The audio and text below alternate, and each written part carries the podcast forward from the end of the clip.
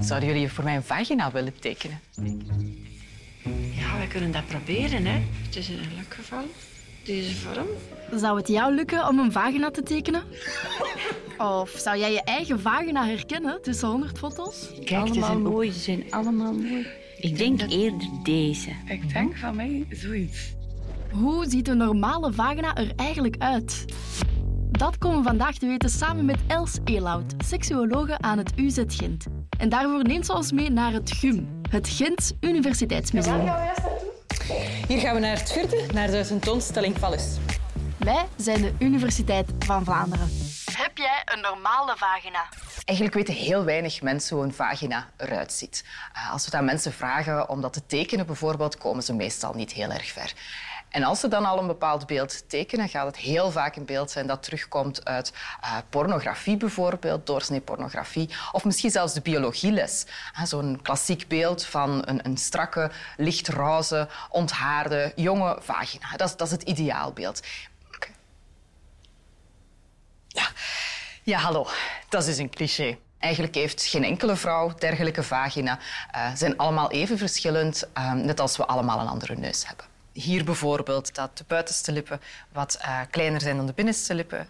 Ehm, hier zien we bijvoorbeeld eentje. Ah, kijk, de verkleuring eh, helemaal niet zo lichtroze. Eh daar een stukje bruin, behaard, minder behaard. Heel divers allemaal. Dus als de vraag is, wat is een normale vagina? Alle vagina's zijn normaal. Eigenlijk die vraag, die klopt niet. Wanneer wij het allemaal hebben over vagina, dan bedoelen we eigenlijk meestal vulva. De vulva is het uitwendig deel van de, het eh, vrouwelijk genitaal. Wat we daar zien is de clitoris, de binnenste, de buitenste schaamlippen, de vaginale opening. By the way, schaamlippen is een woord waar ik niet zo'n fan van ben. Eh, het is eh, uiteraard niets om ons over te schamen.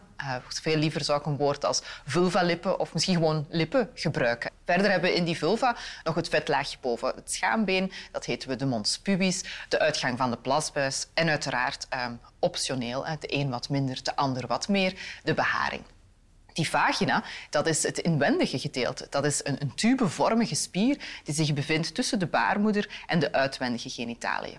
Eerlijk gezegd, als je mij had gevraagd om mijn eigen vulva, dus niet vagina, te tekenen, dan weet ik niet of ik dat had gekunnen. Is dat erg? Veel vrouwen weten niet hoe een vulva eruit ziet. Soms zelfs niet waar hun clitoris zit. En die is net zo belangrijk voor seksueel plezier. Laat ons dat even staven met wat cijfers. En het gaat snel gaan, dus kopie erbij. Gemiddeld vrije koppels vijf keer per maand. Vijf maal 12 is 60 vrijpartijen per jaar. En laten we zeggen dat je tussen je 20 en 80 seksueel actief bent. Dan is dat 60 vrijpartijen maal 60 jaar seksueel actief. Komt uit op 3600 vrijpartijen.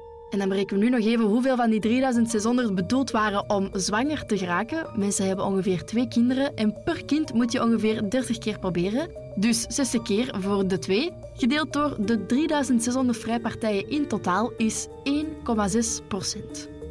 1,6 procent is om een baby op te wekken en al de rest is voor ons plezier. Maar waarom horen we dan zo weinig over dat seksueel plezier? Dat heeft ermee te maken dat onze maatschappij heel erg focust op penis in vagina seks, op penetratieseks. En wij horen heel veel in de biologielessen ook nog steeds over de babymakende onderdelen van onze seksuele organen. Maar uiteraard is er veel meer dan dat. Ehm, Seksueel plezier is veel breder dan dat. Er is zoveel dat evengoed seks is. En dan wordt het dringend tijd om de clitoris helemaal uit de doeken te doen. Het enige orgaan trouwens met enkel en alleen de functie seksueel genot. Die clitoris wordt heel vaak vergeten. Wat zonde is, want heel veel vrouwen komen helemaal niet klaar alleen maar door penetratieseks. Bovendien, we denken ook dat die clitoris slechts het knopvormig orgaantje is wat we hier bovenaan zien. Niets is minder waar. Die clitoris, of die glans daar van de clitoris, is eigenlijk een, topje van een ijsberg. Wanneer we, wat we hier aan de buitenkant zien, die lippen eraf zouden gaan halen, en dan zouden we dit aan de binnenkant zien. Onderaan die glans van de clitoris loopt het over in een schacht. Hier zie je twee crura, dat is Latijn voor benen, en nog twee vestibulaire bilbi. Heel dit orgaan kan best groot worden bovendien. hè. 10 à 15 centimeter kan dit eh, maar liefst gaan meten. Nu, het clitoraal complex bestaat uit zwellichamen die zich tijdens opwinding zullen gaan vullen met bloed en dan zal die clitoris in volume gaan toenemen. Nu, de meeste vrouwen die zullen klaarkomen door extra uitwendige clitorale stimulatie. Door bijvoorbeeld aan die clitoris te likken, door dus mee te spelen met speeltjes, vingers, etc. Alles is mogelijk. Deze vind ik inderdaad ook wel fijn Ja. dat er wel een keer verschillende variaties op hangen. Want op duur ga je ook zo dat één model in je hoofd hebben. Daarnet hadden we het over de klit en het clitoraal orgasme. Kunnen vrouwen ook vaginaal klaarkomen? Vrouwen kunnen het natuurlijk zo aanvoelen dat ze een vaginaal orgasme beleven. Maar het is niet je vagina die voor dat orgasme zorgt. Wat voor dat orgasme zorgt, is dat je clitoris indirect gestimuleerd wordt. Hoe zit het dan in elkaar? We hadden het er net over dat dat clitoraal complex bij opwinding zich zal gaan vullen met bloed en dat die zwellichamen in erectie gaan. Op dat moment komt dat hele clitorale complex wat dichter tegen die vaginale wand liggen. En een dildo, een penis, vingers of wat dan ook kunnen op die manier indirect die clitoris gaan stimuleren langs de vaginale wand. Strikt genomen is dergelijk orgasme dus ook een clitoraal orgasme.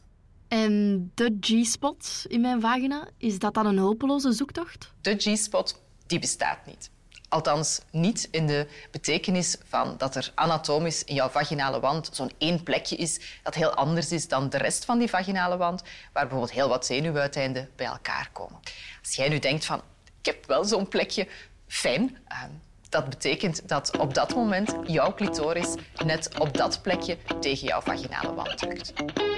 Ik kan eigenlijk wel echt niet zomaar boempats bed in en aan seks beginnen. Dat is normaal toch? Dat doet gewoon pijn, want dan is alles nog niet nat genoeg. Een vulva en vagina in rust zijn niet klaar voor penetratie. Die moet eerst nat worden. Of lubricatie, zoals seksuologen dat met een moeilijk woord noemen. Dat verwijst naar het vochtig en glibberig worden van die vulva en die vagina, zodat penetratie een stukje makkelijker kan verlopen. Bovendien worden ook die vulvalippen tijdens de opwinding een beetje meer opgezwollen en dikker. En op die manier vormen zij een soort van stootkussentje dat ons zal beschermen tegen irritatie, roodheid, pijn en dergelijke meer. En kan een beetje glijmiddel helpen bij die lubricatie? Ja, prima. Maar glijmiddel hoort niet een manier te zijn om altijd rap-rap naar penetratie over te kunnen. Want ons lichaam is eigenlijk in staat om zelf glijmiddel aan te maken. Geef jezelf daar ook tijd voor. Dus heb jij een normale vagina? Ongetwijfeld wel. Maar ik zou zo zeggen, neem er eens een handspiegeltje bij. Kijk eens goed waar alles zit, want daar begint alles. En onthoud, het hoeft er absoluut niet uit te zien zoals in porno. Merci om te luisteren. Vond je dit college interessant? Dan mag je dat altijd laten weten in de comments of stuur ons een mailtje. En als je nooit nog een video of een podcast wil missen, abonneer je dan zeker op ons kanaal. Tot de volgende!